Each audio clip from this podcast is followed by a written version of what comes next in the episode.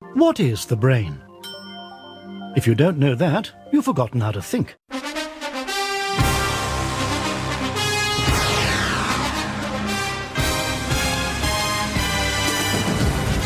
Please ensure you have your copybook at hand, as you'll be asked to take down notes from the screen at various points throughout the program. Du hører på uillustrert vitenskap.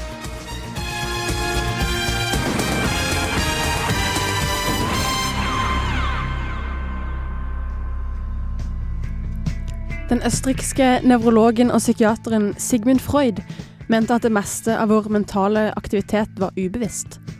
At ting foregikk oppi hodene våre som ikke vi hadde noen som helst kontroll over.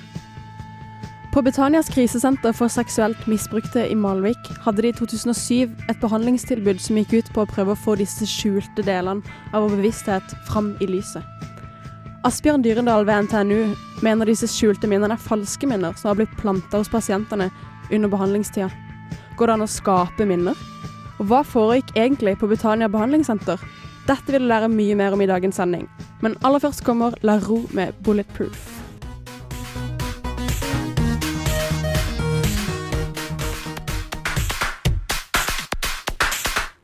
Der hørte du en av mine favorittsanger for tida, La Roux med Bulletproof, i Uillustrert vitenskap på Radio Revolt.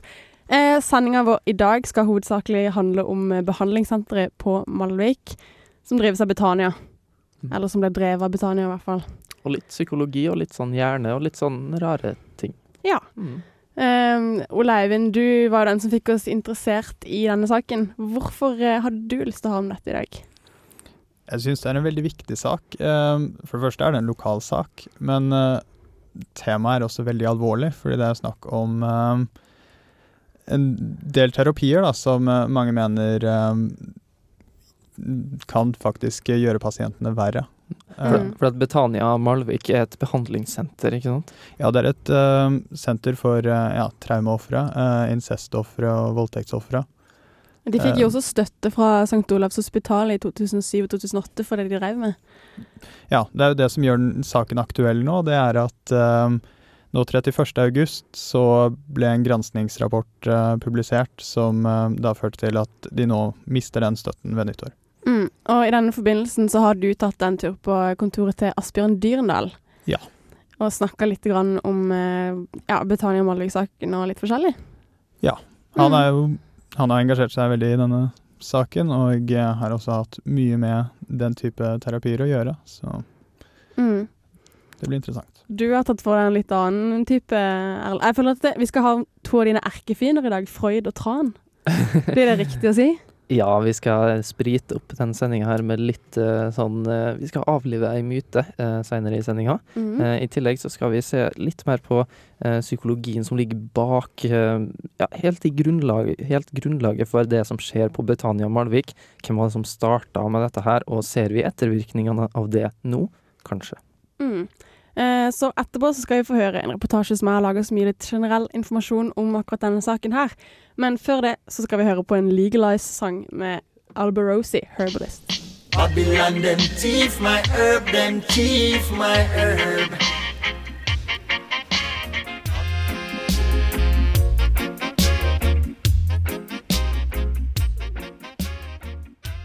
Radio Revolt. Podcast. 15 km fra Trondheim sentrum ligger Betania Malviks distriktspsykiatriske avdeling. I 2007 drev Betania et behandlingsprogram for pasienter som hadde blitt utsatt for seksuelle overgrep. Behandlinga baserte seg på at psykiske problemer som pasientene hadde i dag, kunne ha blitt utløst av fortrengte minner. Pasientene ble lagt inn i ti uker, med et minimum av 40 timer samtaler med en psykoterapeut. Behandlinga besto også av kreative øvelser som psykodrama. Det gikk ut på å spille ut scener fra pasientenes virkelige liv som en form for gruppeterapi. Fra disse behandlingstimene kom de mest uhyrlige minner fram. Psykodramaterapeut Aud Stensbekk sa dette til Adresseavisa i 2007. Minnene om de verste overgrepsopplevelsene ser ut til å være så fortrengte at et sammenhengende behandlingstilbud som Betanias er nødvendig for å få de vondeste overgrepsopplevelsene frem i lyset. Det merkelige med disse pasientbekjennelsene var at de mest utrolige og groteske historier kom fram. Det dreide seg om å se sine kjæledyr bli drept, sadistisk tortur, bli tvunget til å spise oppkast og ekskrementer. En av de anonyme pasientene kom til Betania Malvik og hadde blitt misbrukt av to personer. Etter behandlingsperioden kunne vedkommende huske at det var 16 stykker. Ikke bare kom det fram ting pasientene ikke var klar over da de begynte behandlinga. Mange av historiene ligna på hverandre. Kunne dette vært snakk om såkalte falske minner? Det høres rart ut at minnene våre kan plantes i hodene våre på den måten. Hvis ikke vi kan stole på hukommelsen vår, hva kan vi stole på?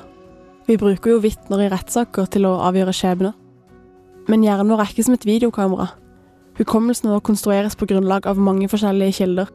Der bare én av de er hva som egentlig skjedde. Andre kilder er hva vi har tenkt, hva vi har fått høre seinere. Alt dette går inn i rekonstruksjon av minnene våre. Å delta i gruppeterapi som psykodrama kan gjøre at pasientene lever seg inn i en historie, og at grensene mellom fantasi og virkeligheten forskyves. Plutselig kan fantasi framstå som ekte minner. St. Olavs hospital støtta Betania Malvik økonomisk i 2007 og 2008, men avvikla denne støtta.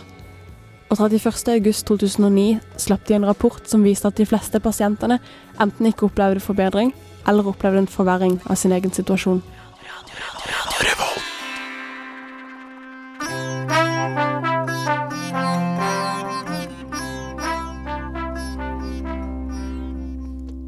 Der hørte du Cornershop med The Role of Characteristics. Eh, før det så hørte du en liten introsak som jeg hadde laga, som handla om eh, Betania Malvik-saken. Og det er jo det vi skal ha med i dag. Eh, og på slutten der så nevnte jeg en sånn rapport som har eh, nettopp blitt utgitt for mindre enn tre uker siden, tror jeg, fra ja. St. Olavs hospital. Og hva var, det egentlig, ja, hva var det egentlig han inneholdt? Jo, de eh, hadde jo da intervjuet pasienter og fått dem til å eh, svare på spørreskjemaene, så de hadde hatt en kvalitativ og en kvantitativ del. Um, og det det viste seg, var at det var noen pasienter som rapporterte at eh, de merket en forbedring. Og så var det en gruppe som rapporterte ingen forbedring, eller forandring. Og så var det en gruppe som eh, rapporterte en forverring. Mm. Og eh, så var det også interessant å se på, um, på de som rapporterte i intervjuene en forbedring. Så skulle man jo også forvente at eh, det som kom på spørreskjemaet, samsvarte godt med det. Mm. Og det samsvarte ikke så spesielt godt, eh, så da har man også litt grunn til å kanskje mm, diskutere, i hvert fall. Og Ja, at de, eh, at de anta måte de kanskje- Ja, altså de, de føler en forbedring, eh, og eventuelt at de også på en måte ikke At de har lyst til å rapportere en forbedring, men at den forbedringen ikke er så reell. mm. Eh, Men det blir jo selvsagt vanskelig å diskutere, da. En annen ting som er litt vanskelig med sånne psykologiske eller eh, ja, behandlingsinstitusjoner, er at hvis man i det hele tatt har en andel av folk som blir forverra, så bør man jo sette spørsmålstegn ved det her, da.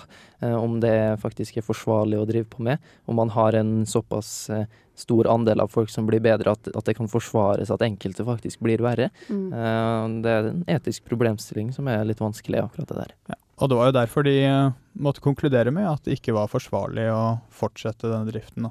Ja, for at, Det eh, var eh, for mange som opplevde forverring, og for mange som ikke opplevde noen forandring. for at de har vel fått eh, beskjed om å stenge ned? Ja. Mm. De fikk vel penger fra Eller ja, de mistet den støtten, da. i Ja. hvert fall. Og da kunne de jo ikke drive det lenger. Mm. Det blir nesten litt sånn sånn, eh, sånn, sånn horoskop, da. At det stemmer bra for noen, dritdårlig for andre. Og da er det ikke en vitenskap. Mm. Det, det lukter litt at det egentlig ikke har noe effekt, og at det man, den effekten man ser, er litt tilfeldig. Mm. Ja, det var også litt Ja, sånn spesielt i typen typene behandlingsmetodene. Altså dette Mm. med å spille skuespill fra personers liv, da, da skjønner jeg godt at du kan begynne å blande hva som har skjedd med hva folk finner på der Ja. og da, og at det kan ja, mikse seg litt og bli litt rart. Det har vært veldig mange anklager om at eh, det har ført til falske minner. Da. Nettopp med Mm. at folk kommer inn der uten noen bestemte hukommelser om å, om å bli voldtatt eller et eller annet sånt, og så kommer de ut derfra med å huske at de har vært med på de villeste ekstreme historiene. Mm. Um, og det er også grunn til å tro at det er ganske mange som mange flere enn det som kom frem i rapporten, da, som har uh, opplevd en forverring. Uh, fordi til tross for at denne rapporten er jo anonymisert osv., så, videre, så var det jo mange som da ikke turte å svare på rapporten. Og det kan jo tenkes på et sånt sted, så blir det jo et tett miljø, og eh, det er i hvert fall sett i andre slike miljøer at hvis man har snakket negativt om det, så kan man på en måte bli frosset ut. Og hvis mange av disse type terapiene kan føre til at du blir liksom frosset ut av ditt vanlige sosiale miljø, så har du i hvert fall ikke lyst ja. til å miste sosiale miljø ved behandlingssenteret i tillegg, da. Jeg tenker at det her går rett inn i det som er psykologiens mørkeste, mørkeste side. Eh, Det at, eh, at man eh, har et eh, behandlingstilbud som på en måte skal gå inn og, og ta tak i underbevisstheten til folk. Det er ikke for ingenting at man i USA kaller psykologer for shrinks. Mm.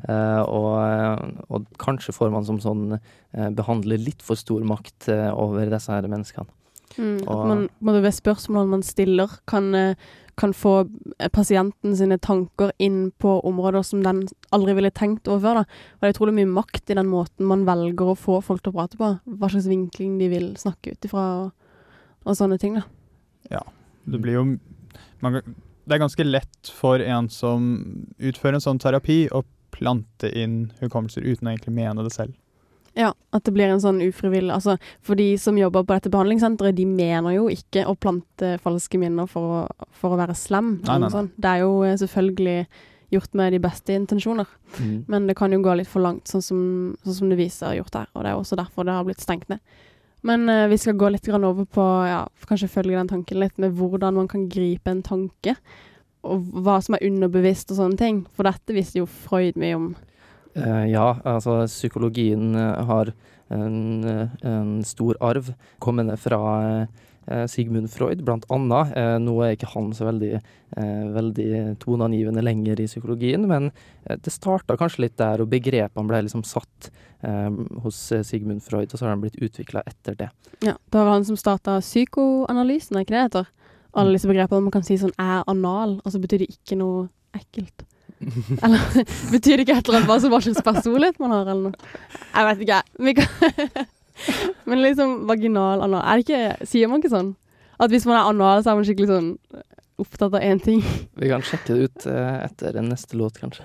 Ja, vi, nå skal jeg få lære litt grann om eh, Nå tenker jeg bare på ja, nei, eh, Om Freud, da. Nå skal vi lære litt om Freud, for den, eh, han har du undersøkt litt, eh, Erlend. De fleste har et slags vagt bilde av personen Sigmund Freud. En middels gammel østerriker med hvitt heilskjegg, men ikke altfor langt, kanskje med en sigar eller ei pipe.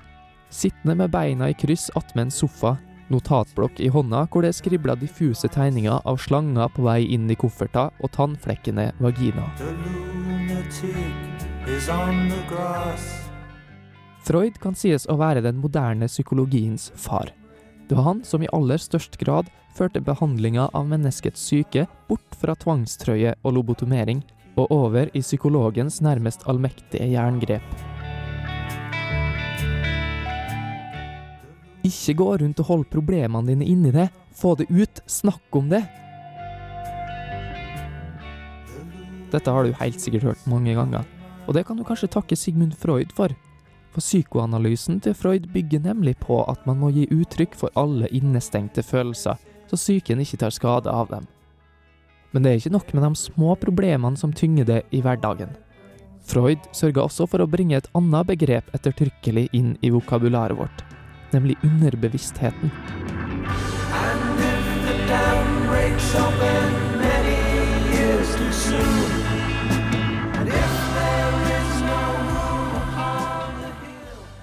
Ifølge Freud er det underbevisstheten som innehar mesteparten av jævelskapen et menneske går rundt og bærer på. Og han mente også at seksualiteten er den viktigste enkeltgrunnen til menneskets oppførsel, følelser og tanker. Ut fra dette bygde den kjente psykologen hypoteser om alt fra seksuelt misbruk og undertrykt seksualitet i barndommen til ødipuskomplekset og penismisunnelse.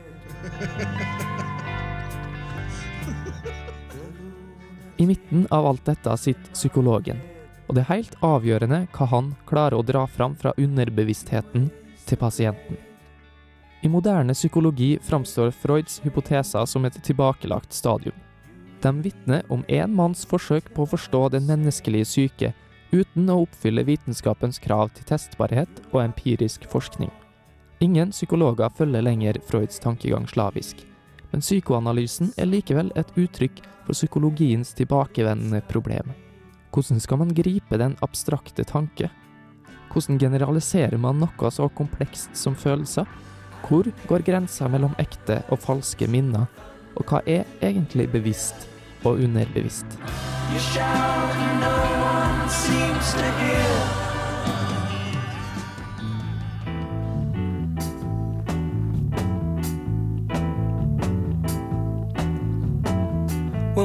Told me about her, the way she lied.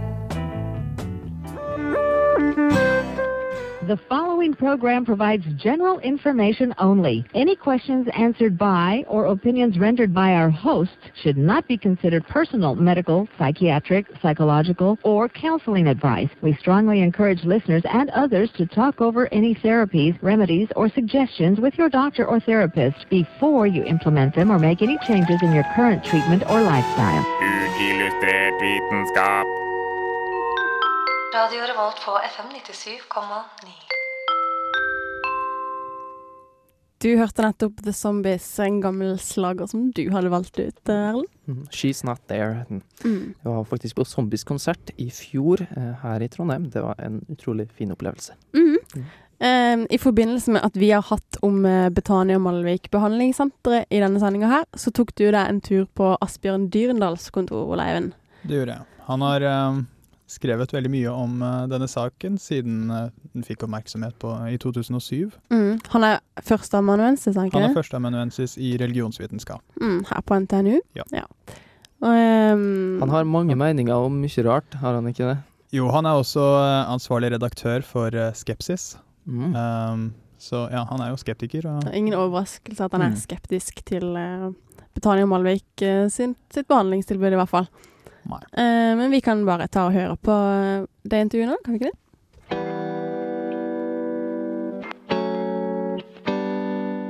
Asbjørn Dynedal er førsteamanuensis i religionsvitenskap ved NTNU og ansvarlig redaktør av nettstedet skepsis.no. Siden 2007 har han skrevet en rekke kritiske artikler om behandlingstilbudet ved Betania Malvik. Jeg lurte på hvordan han ble interessert i dette temaet, og hva det egentlig hadde med religionsvitenskap å gjøre. Da jeg begynte å skulle skrive doktorgradsavhandling, så jobba jeg med noe som eh, på kort kalles for satanismepanikk. Frykten for en stor satanistisk sammensvergelse som begikk unevnelige forbrytelser av alle slag, inkludert systematiske overgrep, tortur, kannibalisme osv. på barn og kvinner. En av kildene eh, som spredde den i veldig stor grad, det var eh, terapimiljøer. Og de var en sentral legitimeringskilde til å spre disse forestillingene utover. Hvor eh, Betania Malvik da på, eh, på et vis eh, føyer seg inn. Riktignok da som en av de mindre ekstreme variantene.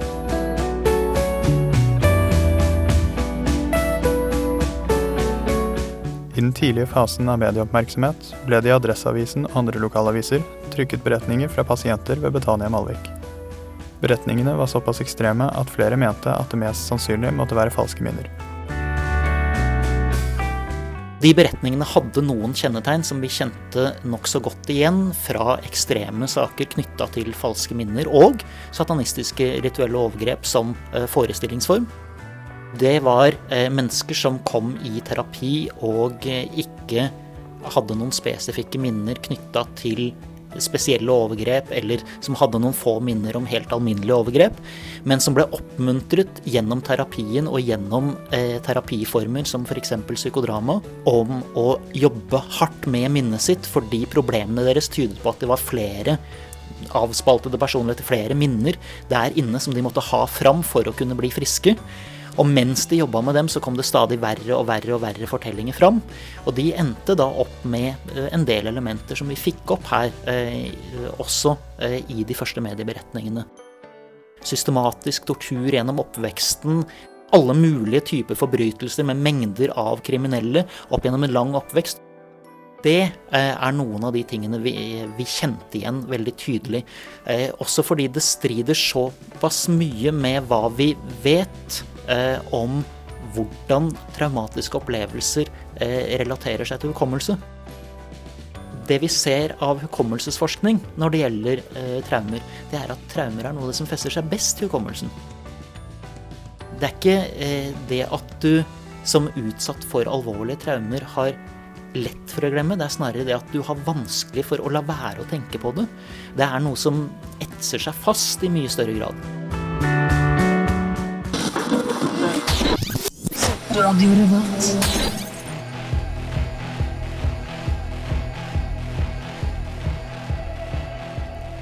Der hørte du Animal Collective med 'Summertime Clothes'. Og før, før det så hørte du første del av intervjuet som du og Leivind hadde med Asbjørn Dyrendal. Mm. Um, og det siste vi hørte der, var jo at uh, selv om det er en sånn populær oppfatning at man fortrenger ting, så er det ofte sånn at traumatiske hendelser fester seg veldig godt i minnet. Ja, altså det her syns jeg er litt rart. Eh, Hvorfor ser man for seg, eller hvorfor har man en slags oppfatning da, av at man skal fortrenge det som eh, har vært kjipt i livet sitt, eh, om det har skjedd noe dramatisk? Mm. Eh, så tenker man at det skal på en måte havne ned i underbevisstheten. Eh, litt sånn som Sigmund Freud blant annet eh, mente at det gjorde. Og så viser forskningen da at det er ikke tilfellet. at det gjør det, i hvert fall i de fleste, fleste tilfellene. Ja, Mm. Det de gjerne mener, de som forfekter disse ideene, er jo at det er en slags taklingsmekanisme. eh, med at Hvis du har opplevd noe skikkelig skikkelig fælt, så må du på en måte presse det ned og glemme det. da. Um, men det støttes dessverre ikke av eh, forskningen. Det er heller sånn at det, det ligger på en måte alltid på, eh, på bevisstheten, og at man alltid tenker på det og på en måte aldri kommer vekk fra det. Folk som har opplevd såpass traumatiske ting som disse pasientene på traumesenteret ute på eh, Malvik, de, eh, de sliter gjerne med akkurat det motsatte. At de, de klarer ikke å la, la være å huske dette. Eh, de tenker på det hele tiden. Mm. Men hvis man da har en, en terapeut da, som er overbevist om at den pasienten her eh, fortrenger et eller annet, og skal på en måte ha det fram fra underbevisstheten, kanskje bruke deler av litt moderne psykoanalyse, eh, så kan det få litt sånn fatale følger. Ja, da vil jo eh, Når terapeuten er overbevist om at her er det et eller annet de har fortrengt eh, Fordi tanken deres er jo at hvis du sliter med angst og depresjoner og den slags ting, så er det fordi du har fortrengt noe veldig guffent nå i barndommen. Så vil jo de lete etter det, og da selv om de ikke på en måte mener å plante ting, så vil de eh, Eller er det veldig fort gjort, da. Og eh, eh, stille de spørsmålene eller oppfordre til de og de tankerekkene som fører til og at de planter inn minner da, som er falske. Jeg har også lest, eh, lest om forskning som er gjort på minner og hukommelse. Uh, og det er jo ikke sånn at man har et minne som sitter fast, og som man alltid tenker tilbake på som, eh, som akkurat sånn det skjedde den og den dagen og, eh, og den og den situasjonen. Eh, det er derimot dynamisk, da, forandres etter hver gang man går gjennom det sjøl. Eh, og hvis man da sitter der med en autoritetsperson som en terapeut da vil være, så er det ikke noe vanskelig for han å, å eh, måte forandre på disse minnene eh, for all framtid. Nei, absolutt ikke. Og eh, altså, personlig så har jeg veldig mange erfaringer med at eh, jeg husker at jeg gjorde et eller annet og blitt fortalt det mange, mange ganger. Men så viser det seg at jo, det var søsteren min som gjorde det. Da. Ja, og til og med jeg har videobevis på at jeg ikke gjorde det. Um, så altså, minner er ikke sånn Hukommelsen er ikke helt til å stole på, men det er i hvert fall ikke slik at uh, du har fortrengt et store traumer da, som du bare har glemt. Det er også en ting som, um, som jeg har opplevd at jeg har blitt fortalt at jeg har gjort ting da jeg var liten. Sånn så nå husker du den gangen du gjorde det, og så har jeg, har jeg ikke huska det. Men så kan jeg på en måte tenke tilbake på det, og så har jeg laga en historie om det inni hodet mitt, sånn at jeg kan se for meg at jeg gjør det, selv om jeg vet at ikke jeg gjorde det. Eller sånn, selv om jeg husker at jeg egentlig ble fortalt det. Og sammen med at eh, en gang så så jeg søstera mi rulle ned trappa, hun datt ned trappa og rulla ned rett foran meg. Og så har jeg innbilt meg at det var meg som gjorde det, men da kunne jeg jo ikke sett på det samtidig. Så det er sånn at eh, hjernen da er litt sånn plastisk, at ikke, at ikke minnene er som spikra, og at ikke hjernen vår er som en eh, videoopptaker, da. Som Det som også bekymrer meg litt i denne saken her, er jo det at uh, selv om disse minnene er ekte blant mange av dem som blir behandla, så blir de blåst opp eh, i så stor grad. Altså, de blir gjort veldig mye verre enn det de egentlig er. Eh, og eh, jeg ser ikke helt hva poenget med det skal være. da. For at du har på en måte, du har allerede disse minnene som du har dratt fram, eh, men hvorfor skal man gjøre dem verre? Hvorfor skal man ha ti overgrepsmenn istedenfor én, f.eks.? Det er veldig Mm. vanskelig å se hvordan det skal hjelpe. Det er absolutt eh, ikke så lett heller, for det blir jo mye snakk om at man må respektere ofrene, og respektere historien til ofrene. Eh, men nå skal vi høre den andre delen av intervjuet med Asbjørn Dyrendal. I et større verk eh, som ble kalt for 'Treatments That Work', så var lenge dissosiasjonsterapi var med, men er fjernet i siste utgave fordi eh, det var uklarheter om det hadde noen effekt i det hele tatt. Og ikke minst om de tingene som blir behandlet, eh, egentlig bare er et, eller først og fremst er et resultat av terapien selv. Altså at de lidelsene som den skulle behandle, er fremskapt ved hjelp av terapiformen.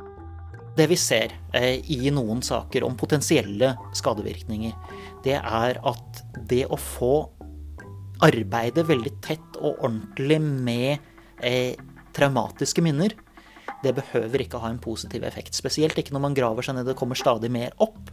Ting man ikke tenkte på før, fordi man må omdefinere deler av virkeligheten sin. Man blir usikker på sin egen identitet. Man blir usikker på sin egen hukommelse. Og hva mer som kan være der, og hvilke andre truende farer som kan være i omgivelsene rundt den.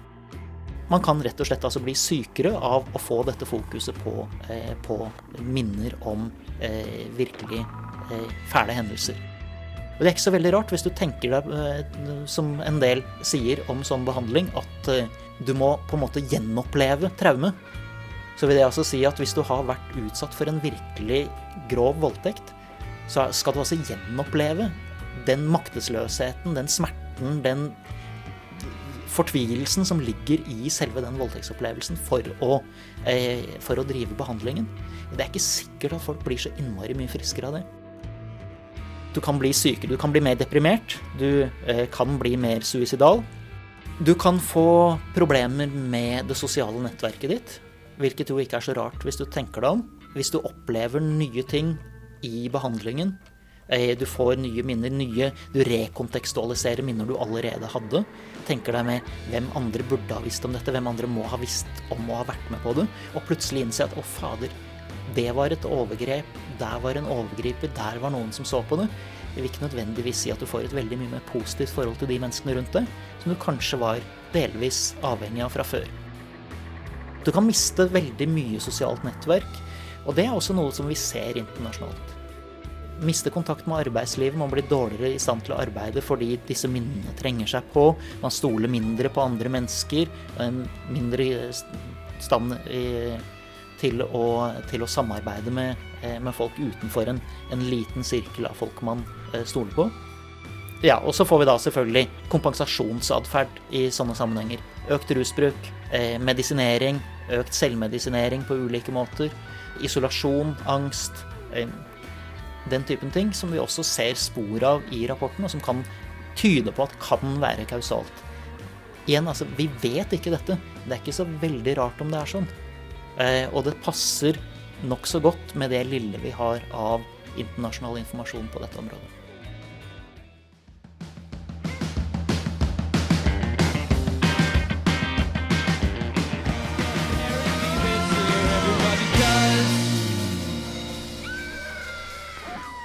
Der hørte du Jail med No Mindless Love, og før det så hørte du andre del av eh, intervjuet som du, Ole Eivind, gjorde med Asbjørn Dyrendal, førsteamanuensis ved NTNU. Det er tydelig at uh, Asbjørn Dyrendal har satt seg ganske godt inn i denne uh, situasjonen, uh, problemstillinga her. Uh, han har blant annet gitt noen kommentarer og sånn, har han ikke det? Jo, han eh, var jo en av de som skrev på forskning.no i 2007, um, som bidro mye til fokuset på Betania Malvik. Og han har, siden rapporten ble publisert, så har han skrevet veldig mange innlegg eh, på Skepsis-bloggen. Mm. Men hvorfor har det tatt så lang tid eh, før man har på en måte innsett at dette her kanskje ikke er en veldig bra måte å gjøre ting på? Nei, si det. Altså, man fant jo ut på 90-tallet Dette ble jo veldig stort på 80- og 90-tallet, som Dyrendal nevnte, da i den satanistpanikken. Um, Hva var det egentlig og den gikk ut på? Altså, den gikk ut på at det var en stor satanisk konspirasjon som uh, hadde eh, ritualer der de drepte barn og voldtok kvinner og til og med avlet opp barn til å slakte dem osv. Sånn Jeg har alltid alltid tenkt at det har bare vært eh, noe tull, og liksom sånn som ble Men det- det var- funnet på. Men det, det var, var- seriøst. Det var ganske stort. I hvert fall visse miljøer så var det veldig stort. I Norge også? Mm, det var vel noe av det. Ja, Eh, Den Jugend-saken var vel Ja, ja. det Problemet rundt sånn, greven og sånn var jo litt i det her eh, Mm. miljøet her. Eller folk, folk tenkte at han var en del av det miljøet, i hvert fall. Mm. Ja, det ble jo mye sånn paranoia rundt black metal-miljøet i Norge, også litt relatert til den uh, satanistpanikken. da. Ja. Men Um, eh, nå er det sånn at disse her som pasientene på, på Betania Malvik, det er ikke bare dem som det går utover, det går også utover de pårørende. Det kan gå veldig kraftig utover de pårørende. Um, for disse pasientene de blir jo da ofte overbevist om at de har blitt overgrepet av, eh, av bekjente folk i nærmiljøet, eh, og eh, dermed da kutter all kontakt til sin familie og sitt vanlige sosiale miljø. Um, I tillegg til at hvis de går ut og da sier at jo, men jeg ble voldtatt av og så fingrer alle mulige familiemedlemmer og folk i bygden, så hører jo andre at de er overgripere. Veldig, veldig skummelt, syns jeg. Det er bra det er slutt på. Ja, eh, det er jo fint at vi har fått litt oppmerksomhet rundt det. Det er det vi har prøvd å gjøre i sendinga vår i dag. Eh, det er ikke så lenge til vi er ferdige nå, men først skal vi høre litt hiphop, faktisk. Kjartan og Erlend med Pust. Podcast, podcast, podcast, podkast.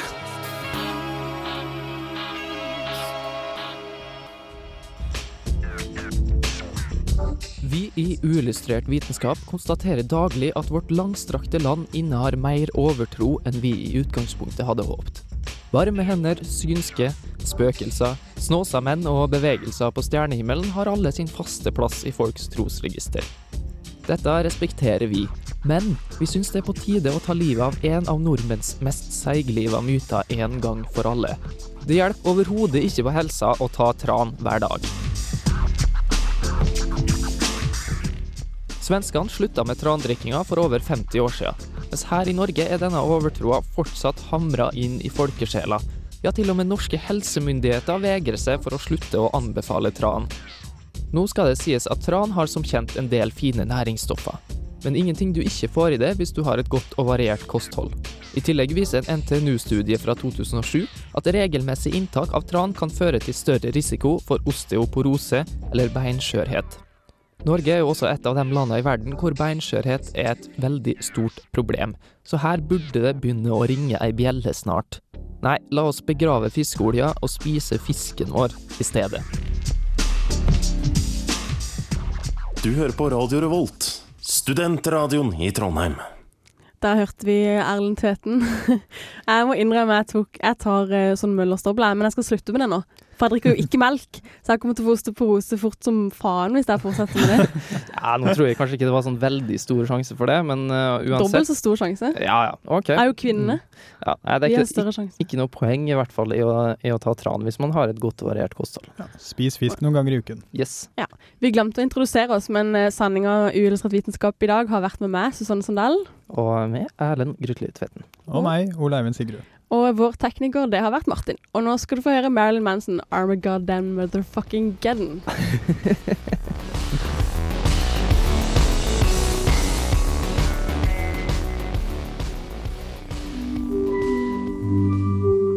Uillustrert vitenskap er Midt-Norges eneste teknologimagasin på lokalradio.